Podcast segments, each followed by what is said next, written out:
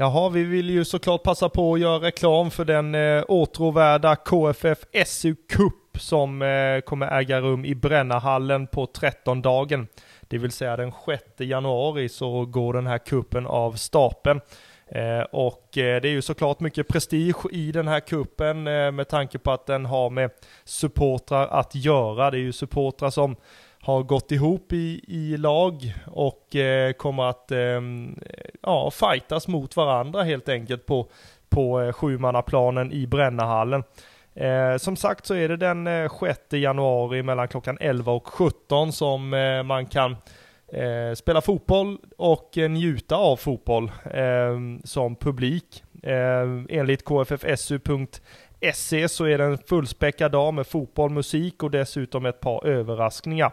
Just nu så har man gått ut på eh, sina sociala medier och sagt att har man inget lag men man är intresserad av att vara med i kuppen så kan man anmäla sig som free agent så kommer det bli så att om man når upp i minst fem stycken spelare som eh, är free agent så kommer man att sätta ihop dem i ett lag och eh, då blir det det åttonde laget i turneringen. Sen efter turneringens slut så kommer det att vara eh, prisutdelning, middag och fortsatta fester på lokal inne i stan. Eh, återkommer med tidpunkt och detaljer kring detta längre fram enligt Supportunionens hemsida.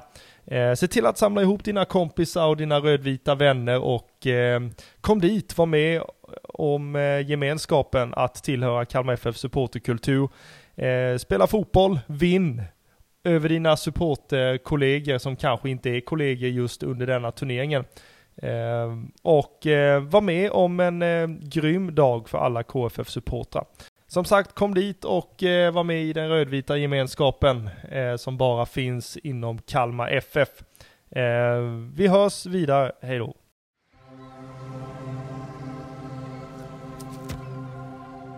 Säger väl som vi brukar då, att vi hälsar dig som lyssnar välkomna till Röda Bröder Podcast.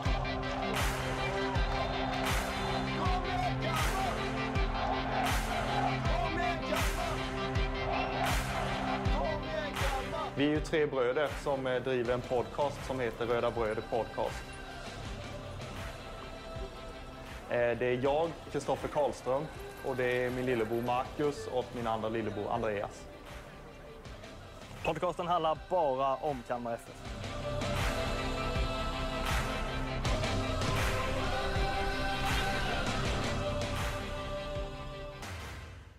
Vi säger jättevälkomna till Röda Bröder Podcast. Vi trodde ju att eh, det förra avsnittet vi spelade in var årets sista. Det visade ju sig att det inte blev så. I mellandagarna så ramlar en helt ny huvudtränare ner på Kalmar FFs tränarbänk. En Henrik ut och en Henrik in.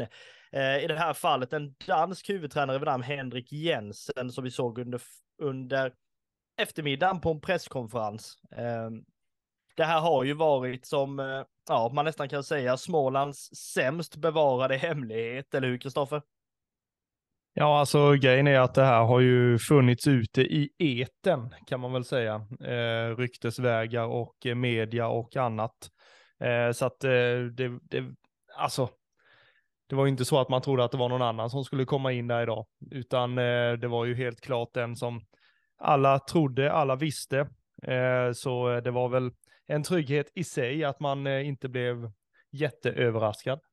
Ja, men verkligen så. Man, eh, vi har ju nästan sagt det innan att det är klart att man, man är, man är ju supporter på ett sätt, så kommer det rykten och sådana saker så det är klart att man nappar ju på det. Jag menar allting som har med Kalmar FF får göra, det nappar man på, det är bara så. Men vi är ju också sådana som har liksom sagt väldigt, väldigt tydligt ifrån att vi går inte ut med någonting innan det är liksom helt klart och helt färdigt. Och ja, som vi sa i något annat avsnitt, det är inte färdigt förrän den feta damen sjunger eller förrän Kalmar FF har publicerat det på hemsidan. Och då spelar det ju ingen roll vad liksom massmedia rapporterar om. Liksom. Det är klart att man tävlar om att vara först, det är oavsett. Ja, så är det ju, men samtidigt så, mm, ja, alltså man vill ju inte bidra till någon vidare ryktespridning och sen så visar det sig att det, att det skulle vara falskt, utan man vill ju Eh, ja, leverera det som, det som stämmer helt enkelt. Och det som, alltså när det blir klart så är det klart och då så kör man på den, på den stora trumman. Och eh, det är ju lite så som, som eh, vi har jobbat nu under denna tiden också ju, i och med att vi vi eh, är på plats på presskonferensen när det här släpps och sen så nu så dunkar vi ut ett avsnitt samma kväll. Klockan är ju, ja den är tio i tio till och med, så att eh, våran dag är ju inte slut än bara för att ehm, eh, vi har varit med under inledningen så att säga. Nej men verkligen inte. Eh, och grejen är ju så här, jag kan ju förstå, alltså massmedia, vi tillhör ju inte det på det sättet liksom. Vi är ju en eh, jag menar, en supporterredaktion i, liksom, med supporterjournalistik. Liksom. Det, det är ju så det är. Och vi har ju, dels så har vi ju liksom en, en helt annan syn på saker och ting. Jag pratade med, med Mattias Lyr på Barometern för några veckor sedan och skickade lite med han och sa det att de på, alltså stormedia då, eller vad man ska säga, de har ju det här som ett riktigt jobb gör ju det här för att hitta gräv, hitta rykten, få folk att läsa det de skriver liksom och ska försöka förhålla sig så pass objektiva som de kan. Vi har ju ja, men en annan roll. Vi är ju, kommer ju från supporterhåll och kan ju därmed liksom vara mer subjektiva på så sätt utan att, utan att det är någonting konstigt med det.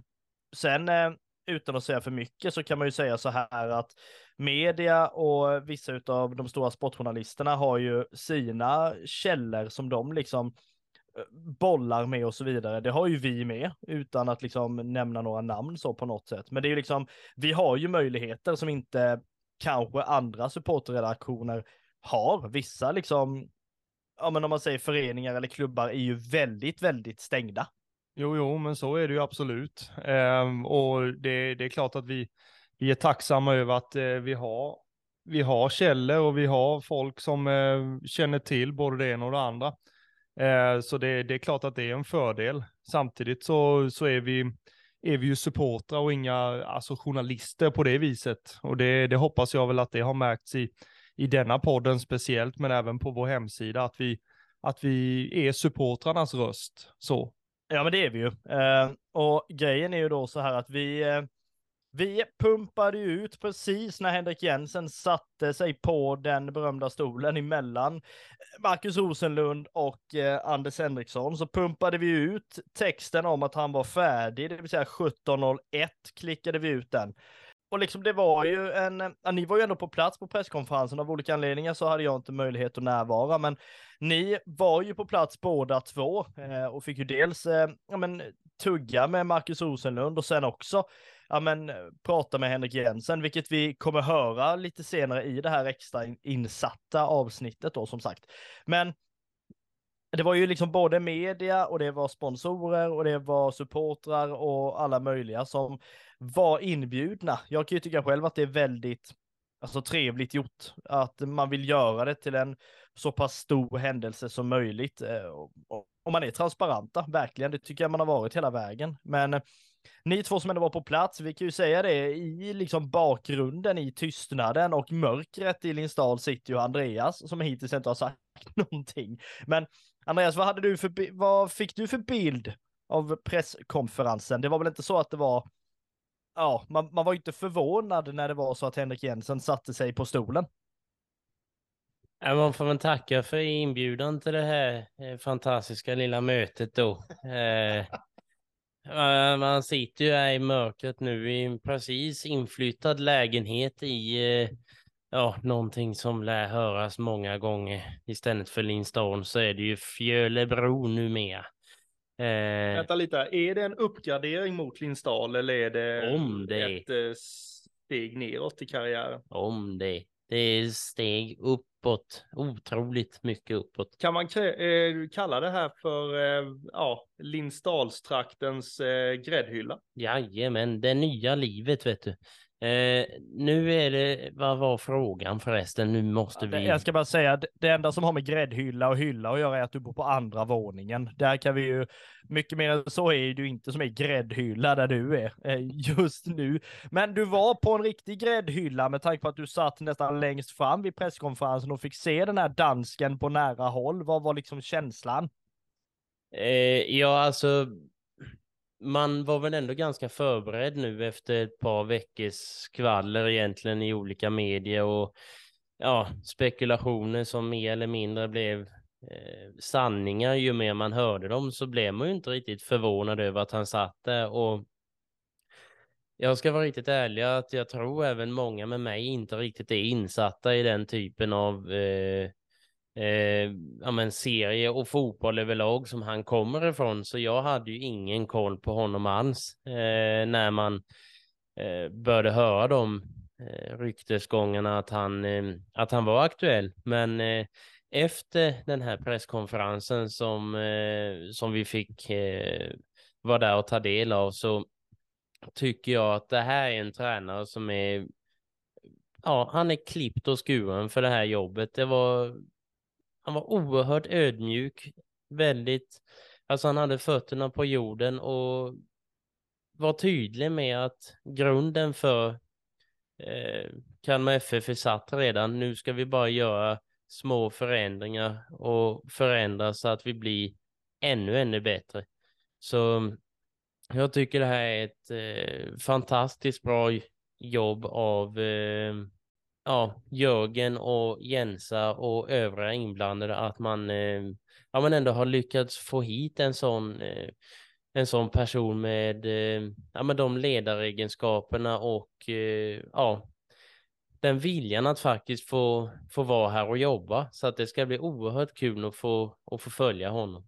Ja, om jag får tillägga lite så, så nämnde han ju Kalmar FF-jobbet som ett drömjobb eh, och eh, det säger ju väldigt mycket om om Henrik Jensen som eh, person, det lilla vi har liksom kunnat lära känna honom. Det är inte, det är inte så att vi vet och, och, känner varandra utan och innan, men eh, den lilla stunden som, som vi fick med han var ju att han är otroligt ödmjuk eh, inför uppgiften samtidigt som han är väldigt tydlig med vad han vill göra med laget, med spelsystemet, eh, vilken typ av ledare han är eh, och eh, att han hade någon någon master inom kommunikation och, och lite sådana där saker. Och alltså spontant så känns det här jättespännande och det var ju som en, eh, man var som ett barn på julafton när man eh, visste att man skulle få gå på presskonferens och, och dessutom få, få möjligheten att, att ställa enskild intervju också då till, eh, till både Jensen och, och Rosenlund. Ehm, så att mm, där var man ju lite, lite starstruck, men, men samtidigt så ska man leverera till, till supportrarna som, som följer oss. Och det, det tycker jag väl att vi, att vi kunde göra. Så att eh, jag, alltså jag är så eh, tacksam för, för denna dagen bara. Så att man, man svävar lite på moln, det behöver lägga sig lite nu.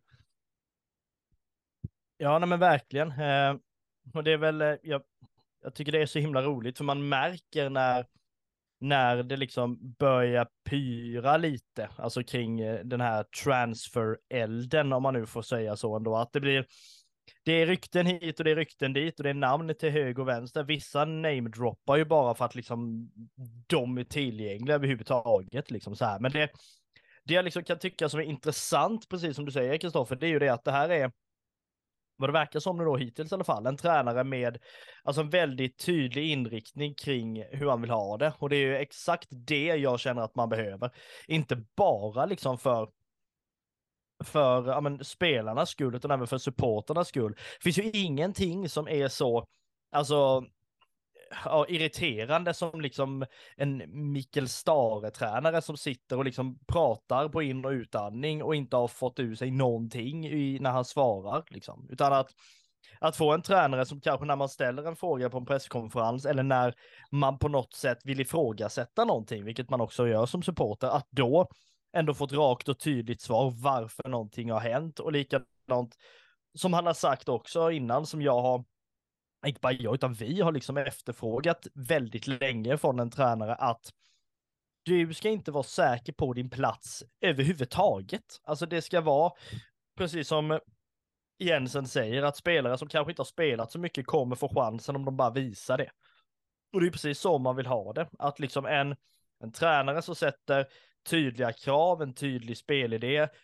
Dels är det väldigt viktigt, men också det som, som han också nämnde, att man spelar ganska likt det han kommer ifrån. Eh, vi som har sett den danska ligan lite smått vet ju att det är väldigt, det är väldigt mycket rakare, det är liksom mycket mer inriktat på anfallsfotboll på ett rakare sätt och inte så mycket, inte så mycket possession på det sättet. Och han, att han då liksom får möjligheten att komma till en förening i Sverige som spelar på ett hyfsat liknande sätt, men också som du sa Kristoffer, en förening som ändå har visat sig i utlandet också.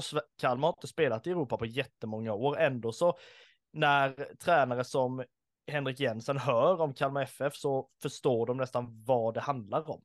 Alltså det bara det är ju en styrka i sig. Ja, och jag tror jag sa det till någon i, i eh, ja, någon supporter på, eh, på presskonferensen att det är ju första gången egentligen som, som en tränare kommer hit och grunden är redan satt på något vis. Att föreningen har bestämt hur man ska spela fotboll, då tar man hit en tränare som, som spelar den typen av fotboll. Bara det att man kan justera någonting litet, litet, litet i anfallsspelet till exempel. Eh, som att man ska bli mer rakare, man ska gå lite mer på mål eh, istället för att, alltså, ja, possession, forcera fram någonting. Ja, jag vet inte hur jag ska förklara det, men det känns som att det är inte så mycket och det är ingen revolution, precis som Henrik Jensen säger, som han ska komma in och ändra en hel jäkla alltså, mentalitet, utan den finns redan i föreningen, så att han ska ju bara in och sätta sin prägel på det. Eh, och kanske då speciellt anfallsmässigt, att man vill att man vill skapa mer målchanser, man vill gå lite rakare än vad man kanske har gjort innan. Samtidigt så behåller man den här possessionen och det här passningsspelet som vi har varit grymma på alltså i två års tid. Så att Henrik Jensen är ju bara en, en pusselbit i det spelet som gör att vi kommer bli lite, lite bättre på alla nivåer egentligen. Och det är ju det enda man, man begär som supporter. Plus att det ska synas att, att de spelar för oss. Det är det man vill se där ute på planen. Från spelarna, från ledarna, från alla i föreningen. Att det är för oss supportrar som de spelar fotboll där ute. Och de ger allt för staden, för, för föreningsmärket. Och supportrarna som står i ur och skur. Så att den, den bilden har jag och jag tror att det, vi kommer att få se det ganska, ganska omgående. Eh, ja, kanske inte redan i första träningen, men, men efterhand. Nej, han ställer ju krav, den här killen. Det kan man ju liksom ändå vara säker på med tanke på att han säger att försäsongen och omstarten kommer bli tuff. Och jag menar, är det... Det finns ju ingenting alltså, som är bättre än när man liksom ser en tränare som kommer in med en tydlighet och liksom den här vägen ska vi vandra. Det är liksom slutmålet är detsamma. Det är inte någon tränare som kommer in och ja, nu har ni börjat att gå den här vägen, men hörni, ni, nu vänder vi på klacken och sen går vi hit bort istället, för det har jag bestämt, utan att det är mer, ja men målet är redan satt, vi ska ta oss till den punkten där borta, men jag tänker att om vi går den här vägen istället, så kommer vi komma dit i alla fall.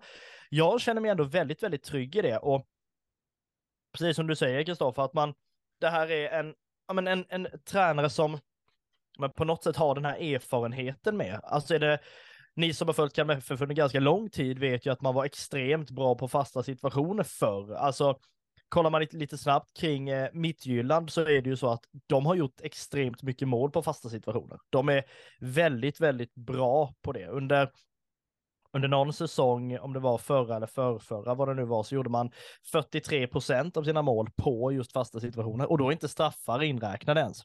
Så att lyckas man få till då det här liksom mer raka pressspelet samtidigt, alltså kunna pressa motståndarna så att de tappar boll och sen lite mer rakare mot mål samtidigt som när man då får en fast situation att man kan vara lite det här, ja, Kalmar FF 2004 till 2010 typ, att liksom, ja men lyckas få de här målchanserna och kanske då göra en del mål på fasta situationer. Nu har vi varit bra på det under förra säsongen också, men det gör ju ingenting om det blir bättre. Liksom. Men någonting jag ändå vill fråga är ju, alltså till er två som är ändå ganska intressant. Vad tror ni blir, alltså en skillnad egentligen? Nu kommer han från en klubb i Danmark som är liksom, ja, den första danska klubben med en utländsk ägare. Det är ju Matthew Benham äger ju eh, Midtjylland, precis som han äger Brentford. Nu kommer han till Sverige där liksom 51% regeln är så himla stor, där liksom supportrarna är föreningen mer eller mindre. Tror ni att han kommer känna att det är någon större skillnad eller tror ni att han, han mer känner att han har, ja, inte en chef utan 8000 chefer? Jag tror nog lite att han tar seden dit han kommer, för det kändes lite så nu under, under presskonferensen, för jag vet de som såg den för, eh, vet nog att det ställdes nämligen en fråga kring det här. Eh, om liksom hur, hur han kände att det skulle vara och vad jag fattade det som så sa ju han att det här är Kalmar FF och det där var liksom Mittjylland. Det är liksom vi som bestämmer här och det var han som bestämde där. Så att jag tror han kommer nog stå bakom mycket det som ändå, ja men supportrarna och som föreningen under nu de här två säsongerna har försökt att bygga upp och sen ändå få vara med och förvalta det. Jag tror inte att han liksom kommer styra och ställa på något mycket annorlunda sätt, utan jag tror nog ändå att han han kommer försöka förvalta det som vi har och liksom få det att bli ännu lite bättre. Jag vet inte om, om du Kristoffer tror något, tror något annat. Ja, men det var det jag menade med det jag sa innan, att grunden är redan lagd. Han är, han är bara här för att utveckla det vi redan har. Han kommer liksom inte att, att styra och ställa att eh, nu ska vi helt plötsligt spela 3-5-2 och vi ska pressa så och så och så och vi ska inte ha bollen överhuvudtaget. Utan vi kommer fortfarande ha bollen. Vi kommer fortfarande äga bollinnehavet, det är jag helt säker på. Bara det att vi kommer spela lite snabbare kanske, lite rakare, bryta linjerna lite, lite tidigare och sen komma in i straffområdet och eh, göra fler mål. Det är liksom det han är här för att utveckla. Eh, han har skrivit på ett treårskontrakt eh, och under den tiden så, så tror jag att det är det vi kommer att få se han kommer att liksom skruva på det lite, lite, lite successivt tror jag. Det är inte så att man kan, att han bara kan sätta sin prägel med en gång, utan det är ju den här försäsongen nu som han har på sig att sätta, sätta det han vill sätta på plats innan den allsvenska premiären. Och eh, ja, så, så, jag tror helt enkelt att eh, det blir ganska likt det vi har sett under två års tid. För det är mycket som är bra, säger han i föreningen redan nu. Vilket innebär att han behöver liksom inte ja, utveckla allt. Han tycker till exempel att eh, passningsspelet är bättre här än vad det är i Danmark.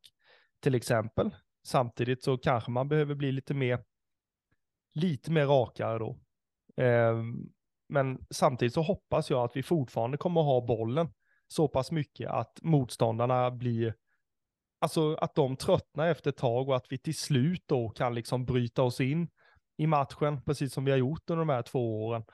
När vi har använt vårt bollinnehav som både ett försvarsspel men samtidigt ett anfallsspel. Samtidigt har vi ju faktiskt efterlyst det här lite rakare djupledsspelet. Och det tror jag vi kommer att få se med Mileta Rajovic till exempel. Som både är duktig boxspelare men samtidigt så är han stor, stark, kan hålla bort och han har en vass anfallsfot. Eh, det har vi sett på det ena drömmålet efter det andra. Ehm, så det är väl lite så jag känner. Han skulle vinna skytteligan, har ju han bestämt. Alltså den, det är ju ambitiöst så det förslår. Att liksom komma till en helt, helt ny förening och liksom inte bara att man ska försöka göra det bättre nu än vad man gjorde förra året. Här ska det vinnas en skytteliga. Jag älskar det fullständigt. Ja, men det, det tror jag kanske att han eh, alltså kan uppnå över tid, absolut. Eh, han är inte ensam om att och kanske säga det, de orden. Det gjorde även D.D. Andersson när han kom hit, så skulle han vinna allsvenska skytteligan. Eh, han var väl på god väg innan han blev avstängd här 2004, men eh, inget ont om D.D. Andersson liksom. Men eh, jag tror att eh, Mileta Rajovic, han har ju ett självförtroende, nu kommer vi in på han helt plötsligt här, men det, det kan vi väl städa av lite också. Att han kommer in med ett självförtroende om att han har möjlighet att vinna den allsvenska skytteligan. Det gör ju att han kommer att jobba både för att han ska göra det, samtidigt för att uppnå det så måste han göra målen för Kalmar FF. Och det ju, kan ju båda vinna på. Ja, men verkligen. Och tittar man kring alltså Henrik Jensen, vad han just säger, vi kommer lyssna till honom alldeles strax, men just att alltså han har ju varit en jagad man, det kan man ju verkligen förstå, men att när Kalmar FF kom in i bilden så är det liksom inte något jättesvårt val. Alltså det är klart att det är ett svårt val att lämna den klubben man är i, men när Kalmar FF kommer in och liksom berättar det här vill vi göra, det här har vi en tanke med, då blir det liksom att det klarnar mer och mer för honom vart han liksom kan ta sig. Så det är det klart att han vill vara huvudtränare. Liksom. Man kanske inte vill vara assisterande hela tiden. Um, och det jag blir extra glad över är också när man ställer frågan vad han vet om föreningen sedan tidigare så menar han att det är en familjär förening och en stor stolthet i föreningen. Och det är ju precis pricken på det. Alltså det är ju en familjär förening, man jobbar mycket med familjerna, familjerna man jobbar mycket, alltså nära att det ska vara ja, men hela Kalmars förening på det sättet. Men samtidigt har man en extrem stolthet och jag menar det känner ju framförallt de som står på sydostkurvan. Det är ju, det är ju en stolthet att hålla på Kalmar FF liksom. Det är någonting man verkligen kan skylta med och det är ju det är ju skönt att den bilden av eh, vår förening har liksom nått fram till vår nya huvudtränare. Men vi är extremt intresserade av att lyssna till och jag tror ni som lyssnar på avsnittet också är det. Vad har vår nya danska huvudtränare för någonting att säga om sitt nya jobb helt enkelt? Eh, Henrik Jensen, eh, varmt välkommen till Kalmar FF. Tack så mycket. Hur eh, går dina tankar så här direkt efter presskonferensen? Ja, som jag sa också så är jag jätteglad och stolt över att stå här och presenteras som Kalmar FFs nya huvudtränare. Så bara en bra känsla. Eh, hur kom det sig att eh, det blev just Kalmar FF för dig? Um, många saker. Eh, spelsättet, ehm, ehm, um, um, familjekänslan jag hade också här. Uh, att man gärna vill utveckla unga spelare. Så det var många boxar jag kunde teckna av. Uh, så var det för mig klockrent. Och ju mer jag pratade med Marco, Kyrkan, Anders och så vidare fick jag bara en riktigt bra känsla kring det här projektet. Eh, du sa på presskonferensen att du har sett en del matcher med Kalmar FF under förra mm. året. Mm. Vad känner du så här spontant att man behöver förändra spelmässigt? Som jag också sa, det kommer inte bli någon revolution. Det kommer bli en evolution. Så vi ska utveckla små saker. Eh, så det, grunden är på plats. Ehm, så det, det, är, det är små saker. Det kan vara på positioner, det kan vara på en taktisk flexibilitet, det kan vara på tempot som man alltid gärna vill äh, ha högre upp. Äh, måten man attackerar på på sista tredjedel till exempel. Små saker som äh, förhoppningsvis kan hjälpa laget och hjälpa spelarna. Det blev ju klart med Mileta Rajovic för någon vecka sedan. Är det någon mer position som du känner att truppen behöver fyllas på med? Nej, det är inte där mitt fokus är just nu. Nu ska vi ut och träna med de här spelarna som är. Jag tycker vi har en väldigt spännande och stark trupp. Um, och jag ser fram till att se också spelare som kanske kan ta ett nytt kliv. Øh, uh, spelare som kanske inte spelar lika mycket kanske kan ta ett, ett, ett, ett nytt kliv. Det ser man ofta uh, øh, tränar byten och sånt. Så låt oss se hur, hur det ser ut under januari och så är det upp till Jörgen uh, øh, och ja, sätta det, sätta det laget som, och den truppen som är, som är bäst för Kalmar FF. Eh, många supportrar som håller på Kalmar FF har ju följt det här en, en lång tid ja. och, och eh, skrivit på sociala medier till ja, dig. Ja. Eh, hur, hur pass välkommen känner du dig? Ja, mycket. Jag, har, jag har också haft lust till att skriva tillbaka till alla, för jag har verkligen varit tacksam för, för dem. Men det har ju inte kunnat göra, så jag, jag, måste, jag måste vända. Så stå och ja, bara tacksam för de många människor som har skrivit till mig och som har visat intresse i att jag skulle komma hit och, och hjälpa Kalmar FF. Eh, du har ju varit i IFK Norrköping och även i Linköping. Eh, vad har du för bild av den svenska fotbollen? Eh, som jag också nämnde på presskonferensen, jag tycker det är enormt, riktigt bra passningsspel i Allsvenskan. Och kanske det bästa i Norden. Så tycker jag att, ehm, att vi fortfarande gott kan ta ett steg på intensitet, på tempo i Allsvenskan. Uh, och det, det, är också något det jag vill försöka implementera så mycket som möjligt uh, i det här laget. Så det är väl det, är väl det men jag ska, som jag också sa, jag ska inte vara expert. Jag måste också känna innan och känna mer. Så det är mer när jag kollar matcherna. Men jag tyckte det är ett riktigt bra passningsspel i Sverige och något som man har utvecklat över flera år. Och det är inte bara Kalmar, det är fler lag Jag tycker jag gör det på, på ett bra sätt. Du har skrivit på ett kontrakt på tre år. Ja. Vad är ditt mål med din tid i, i Kalmar FF som kommer? förhoppningsvis kan ehm, utveckla eh, laget och klubben så mycket som möjligt. Eh, vi var inne på det också med utveckla unga spelare, ehm, utveckla våra spelsätt så ehm, vi blir ännu bättre eh, och naturligtvis vinna en massa fotbollsmatcher. Det är det. Och jag är alldeles stolt över att komma ut på arenan och se Kalmar FF spela. Det är, det, förhoppningsvis om tre år när vi står här så är det någon av de boxarna vi kan teckna av. Eh, den 4 januari så drar träningen igång här ute på Gasten eh, inför supportrarna. Eh, hur laddad är du inför för den träningen och få sätta igång? Ja, det är mycket laddat. Så nu handlar det om att få koll på en del praktiska saker och så, så kör vi igång för 4 januari för fullt. Den assisterande tränaren är inte klar än. Vad vill du ha in för typ av person i, i den rollen? Ja, det är ju Jörgen som äh, sköter den processen. Äh, så, ähm, och förhoppningsvis är det snart klart, men jag är säker på att vi finner en riktigt bra äh, assisterande tränare. Här ute på arenan så har ju sydostkurvan, hemmaklacken, sålt slut ganska många matcher ja. under förra året. Ja. Hur viktigt tycker du att det är att ha supportarnas stöd i, i ryggen? Det är helt avgörande. Det, det vet jag. Uh, och hur stor skillnad det kan vara på en arena där det inte är många supportrar och en där det är många. Uh, för den klubben jag kommer där gör vi stora resultat. Uh, eh, många gånger i europeiska matcher. 5-1 hemma mot Lazio. Och det var ju supporterna också där med till att ge det trycket. Så øh, det betyder allt. Så øh, det är jag naturligtvis mycket glad över att det är, att det är slutsålt. Hur, eh, har du någon sista hälsning till, till alla rödvita supportrar som kommer att följa er under nästa år? Bara att jag igen är otroligt tacksam över den responsen jag har fått um, och jag ser fram till att möta dem alla. Uh, och ja, är, är väldigt taggad på att komma igång med säsongen och ja, träffa alla människorna på stan och på, här på arenan. Ja, men ni hör ju vilken ja, höll på att säga guldgruva det här är. Det får vi väl se längre fram om det. Men alltså det känns ju bra. Det måste man ju ändå påstå. Jag menar, vi som ändå är sådana att eh, när man får höra ett namn så försöker man läsa på en del kring vad är det här för snubbe egentligen. Och jag tycker ju det låter ju väldigt bra på, på, eh, på Henrik Jensen och det, det är ju någonting vi får se, alltså hur det liksom eh, artar sig under kommande säsong när man väl startar startar om här eh, den 4 januari och är det någonting man efterfrågar extremt så är det ju att gjorde vi ett ett varmt välkomnande till eh, truppen och till ledarstaben under förra säsongen, alltså 2022. Så är det ju så att det ska ju vara ännu mer folk, ännu mer liv, ännu mer röj under nu 2023.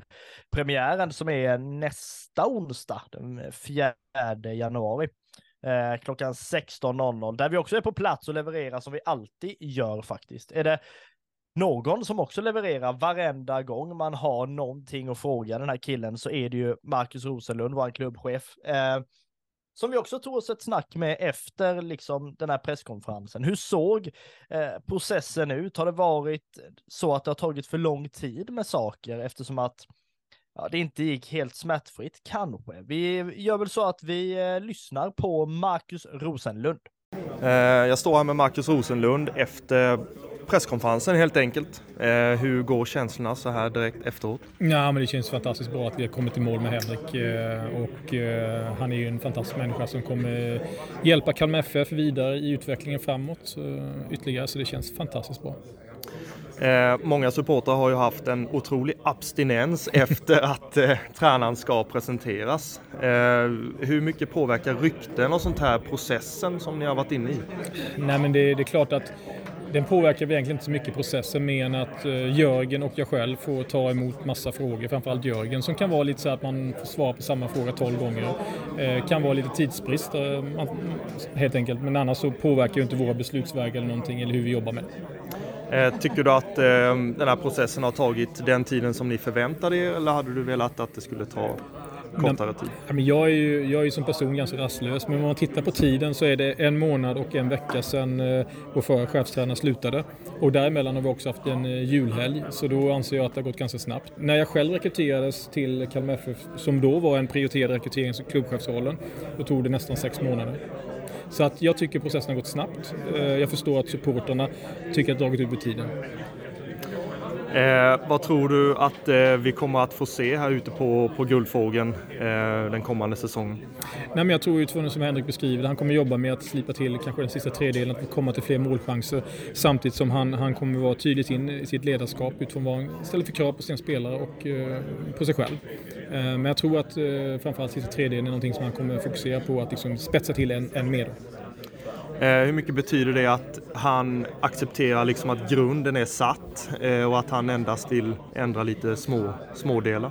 Nej, men vi var ju tydliga i vår profil att vi vill ju ha en, en, en tränare som, som uh, har den här filosofin att vi var bollförande och äga matchen. Uh, så att jag tror att han, han ser det som en möjlighet att liksom behålla grunden och sen vidareutveckla. Han pratade om att passningsspelet som han tyckte var fantastiskt bra, att bibehålla det men skapa lite mer spets, lite raka. Där vi också får in Mileta som är ett, ett verktyg som vi inte hade förra året. Sen hoppas vi givetvis som att eh, Henrik sa att eh, anpassningstiden från danska division 1 eller superettan då in i allsvenskan går fort. Det kan ta en vecka, det kan ta sex månader som Henrik sa. Det hoppas det går fort för då får vi ett verktyg som vi inte haft. Är Mileta en eh, önskad spelare från Henrik eller är det föreningen själva som har velat ha honom från början? Den processen har varit igång ganska länge så det var innan eh, Henrik kom in i, i, i diskussionen. Okej. Okay. Eh, nu återstår ju en assisterande tränare mm. också. Eh, hur går den processen? Nej, men den går bra och jag tror att vi kommer ha eh, den klar inom ett par dagar. Eh, så att vi är kompletta till träningsstarten 4 januari. Är det också en person som eh, har liknande tänk i spelsystem Absolut. och så? Absolut, det måste harmonisera och eh, passa in i, i vårt sätt att tänka. Mm. Eh, hur laddad är du för den första träningen den 4 januari? Nej men det ska bli fantastiskt kul. Jag bara tar Henrik här idag och i den miljön. Han, vi har gått runt och kollat på arenan, tittat lite grann. Vi ska kolla på staden imorgon. Lite grann, titta. Det känns jättekul och klart man är jättetaggad för det. Eh, då säger vi tack så mycket till Marcus Rosenlund för denna intervju. Tack själv. Man kan ju säga så här mycket i alla fall att Rosenlund har ju talets gåva i alla fall. Ja, det kan man ju säga. Det, det är alltid en Alltså det är, det är väldigt enkelt att intervjua Marcus Rosenlund. Eh, så kan jag säga. Han är, han är ärlig, han är rak och han eh, kan bjuda på sig själv också emellanåt. Eh, så att det, det är alltid en, eh, en glädje att få prata med honom, speciellt när det är något, eh, något kul som har hänt. Om vi gör som så här då att vi titta tittar lite kring, eh, alltså no någonting man ändå börjar fundera om, eller en fråga som jag hade, eller lite funderingar kring, så är det ju att visst, man värvar en eh, dansk spelare, en dansk anfallare och sen eh, får man in en eh, dansk tränare. Alltså frågan är ju lite så här att, alltså borde det liksom komma in jättemycket fler spelare, men där fick man ju också svaret just på presskonferensen att, som du sa Kristoffer, att grunden är ju satt. Och vi har ju hört enligt de källorna vi har i ett tidigare skede att det är inte särskilt mycket spelare som är på väg in. Och är det en eller två namn som ska in, då tyder det på att truppen är hyfsat komplett. Ja, men det, det är väl så man känner också. Eh, det är väl inte jättemycket som, som behövs eh, justeras egentligen. Eh, kanske att utåt sett att man är lite tunna på mittbacksplatsen till exempel. Eh, vi har Sätra, vi har Sjöstedt och vi har Elias Olsson då som är tillbaka från lån. Så man har kanske bara tre mittbackar, men samtidigt så ska man ha en fjärde mittback eh, som håller allsvensk nivå och som knappt får spela. Eh, när man har en, en, en, Elias Olsson helt enkelt som, som är på fram, frammarsch. Så eh, kanske man ska stanna vid tre mittbackar och sen plocka upp någon från från U19 istället som, som kan växa på sikt. Ehm, så där, där tycker jag väl att man, man gör helt rätt. Eh, kollar man på mittfältet så är det ju också ehm, alltså en stark stomme. Ehm, sen får vi ju hoppas att vi får behålla Kalle Gustafsson eller kanske till och med förlänga med något år till. Så att, eh, ja, det, det är väl så man känner just nu att det kanske inte kommer in allt för mycket det har väl pratats om en till två spelare ehm, och det, det, är väl så det, det kanske ska vara också eh, för att kanske ge de här unga spelarna lite framtidstro och lite kortare steg att det kan finnas en möjlighet att få göra allsvensk debut och få sitta på bänken och, och lite sådär ju. Eh, så att, nej, ja, det är väl, jag tror inte det blir sådär jättestora grejer mer än vad vi har fått se hittills. Kanske en, två och sen var det ju ändå så att Henrik Jensen sa under presskonferensen när han fick en fråga då, eh, som egentligen inte riktigt han kan, kan ge något, ja, men något riktigt bra svar på. Men eh, vad han sa om truppen som han har sett just nu så tycker ju han den är ja, men, bra nog och indirekt inte hade några större inverkningar på. Men eh, enligt vad som har sagt så är det ju en till två in. Eh, så vi får väl se vad det mynnar ut i till slut. Samtidigt så är det väl två spelare som man ännu inte förlängt med eller avgjort om de ska ha förlängt eller inte och det är ju Filip Sakpekidis och Johan Stenmark som man inte har en, alltså jag har inte en blekaste aning hur man väljer att göra. Det snackades väl lite om att Johan Stenmark skulle få reaba klart sin skada och sen att man skulle ta ett beslut. Jag vet inte alls hur långt man har kommit i det. Eh, Filip Sakpekidis eh, har det varit ganska tyst om ett tag nu. eh, och där väntar man väl också på något, någon form av, något form av beslut i den, i den frågan. Jag personligen ser ju Filip kvar i föreningen i alla fall. Eh, han kanske inte är någon självklar startspelare i den här rollen han har haft nu, eh, där han har fått flytta runt på ett antal positioner. Samtidigt är han otroligt nyttig och gör ett grymt jobb på alla de positionerna han, är, han blir satt på. Så att eh, jag ser gärna Filip kvar. Eh, Stenmark är man lite osäker på vilken nivå han håller. Samtidigt kanske man ska hjälpa honom att rehabba upp sin, sin skada och kanske ja, skriva ett år, jag vet inte. Nej, det är väl det som är frågan lite. Det är klart att eh, Sakpekidis, klart han kanske vill testa utomlands, det fattar man ju också, det är ju ingenting konstigt i det. Uh, men samtidigt så känner väl jag så här nu, om vi ska avhandla det lite snabbt, att jag menar, vi har ju nu spelare som kommer kunna få mer speltid. Alltså Filip Sakbekidis nu när, när Oliver Berg stack, när vi har Diouf borta, vi har liksom Nanasi försvann då, vilket man också förstod, Backman försvann, att då har man ändå man har ju ändå plats på något sätt. Och jag menar då kan man alternera mellan Sakpekidis och eh, Noah Shamoun i startelvan så gör ju det absolut ingenting. Jag känner liksom att är det någon som har jobbat upp sig från att vara liksom en, ja, men, en inhoppare mer eller mindre till att faktiskt kunna starta matcherna och göra det extremt bra så är det ju Filip Sakpekidis. Så att hade han, hade han flyttat hade jag, man hade ju inte blivit glad över det. Det hade varit skittråkigt rent ut sagt. Men vi får väl se, det är ju liksom, det är ju några dagar kvar på det här året och det är klart att de sitter väl med det är inte så att Kalmar FF är den enda föreningen eller klubben i Sverige eller utomlands som är sugna på de här spelarna. Ehm, så det får vi väl se. Men är det någonting vi ska ha in förhoppningsvis då eh, innan den 4 januari så är det ju en eh, parhäst till Henrik Jensen. Ehm, och där har det också ryktats fram och tillbaka, fram och tillbaka och, och sådär. Och förhoppningen är väl att det här inte tar allt för lång tid innan det också presenteras. Nej, eh, både Jörgen Pettersson och, och Marcus Rosenlund eh, sa ju att i, ja, i, eh, inom väldigt kort tid så skulle det mm, hända saker på den fronten. Eh, och det är ju någonting som man såklart vill. Alltså det vill ju vi också att eh, ledarstaben ska vara så komplett som möjligt, så snabbt som möjligt.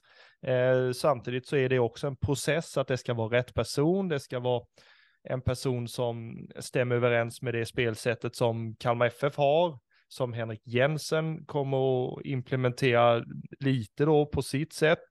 Ehm, så jag menar, det, det är klart, det får ta den tid det tar, bara det blir rätt person som kommer in. Det är lite så jag känner. Eh, samtidigt så är det klart att vi vill ha den här personen på plats innan den 4 januari. Och det, det kanske man kan räkna med, att eh, den personen är på plats. Eh, och jag tycker det verkar väldigt spännande att se vem, vem det blir då om vi har så spännande eh, huvudtränare som har varit eh, norra Europas mest spännande tränare. Eh, då måste han ju ha en assisterande som är, ja, kanske inte mer spännande, men alltså spännande ändå, om ni förstår vad jag menar. Det kan ju inte vara någon som är, ja, en huvudtränare och det kan inte vara någon som är ja, under där heller. Jag tror det kommer bli fantastiskt spännande det här och som sagt så inom en kort tid så tror vi att eh, ja, men det kommer sitta en, eh, en eh, kollega till eh, Henrik Jensen där och eftersom att Henrik känns så otroligt spännande så hoppas vi att vi verkligen får in någon som känns ja, men minst lika spännande bredvid honom för då tror jag att vi kan förvänta oss ja, men riktigt bra fotboll den kommande säsongen. Ja, vi förväntar oss ju verkligen det och eh, vi kan ju redan nu, eh, som vi har sagt innan i det här avsnittet, slå ytterligare ett ännu hårdare slag för då eh, premiärträningen den 4 januari som eh, går av stapeln klockan 16.00 förhoppningsvis. Eh, så kan ju så många som möjligt ta sig dit så att vi kan hälsa truppen och ledarna välkomna till en helt ny säsong där vi i vanlig ordning står extremt mycket bakom dem. Eh, och då efter den träningen så är det ju dags för eh, det inledande avsnittet av säsong 3 Röda Bröder Podcast. Ni slipper inte undan Kalmar FF supporterpodd eh, även säsongen 2023. Nej, och då eh, fortsätter vi ju på den inslagna vägen. Eh, och, och, fortsätter producera avsnitt för, för eh, Kalmar FF-supportrarna och eh, oss själva också med tanke på att vi är precis som dem. Ehm, och eh, ja, vi kan väl förvänta oss fler intervjuer, gäster eh, och lite roliga saker, precis som vi har hållit på med hittills. Ehm, och ehm, jag kan väl bara prata för mig själv och säga att eh, säsong tre, det kommer bli väldigt spännande, speciellt hur det ser ut för föreningen och laget. Så kommer det bli väldigt spännande att fortsätta producera avsnitt och få vara med på eh, den resan också. Ja, men verkligen. Man tar ju med sig det man har gjort bra under två säsonger och gör det ännu bättre säsong tre, som du säger Kristoffer. Mer intervjuer, mer gäster, fler bortamatcher, fler reportage från bortamatcher. Det kommer bli bra detta.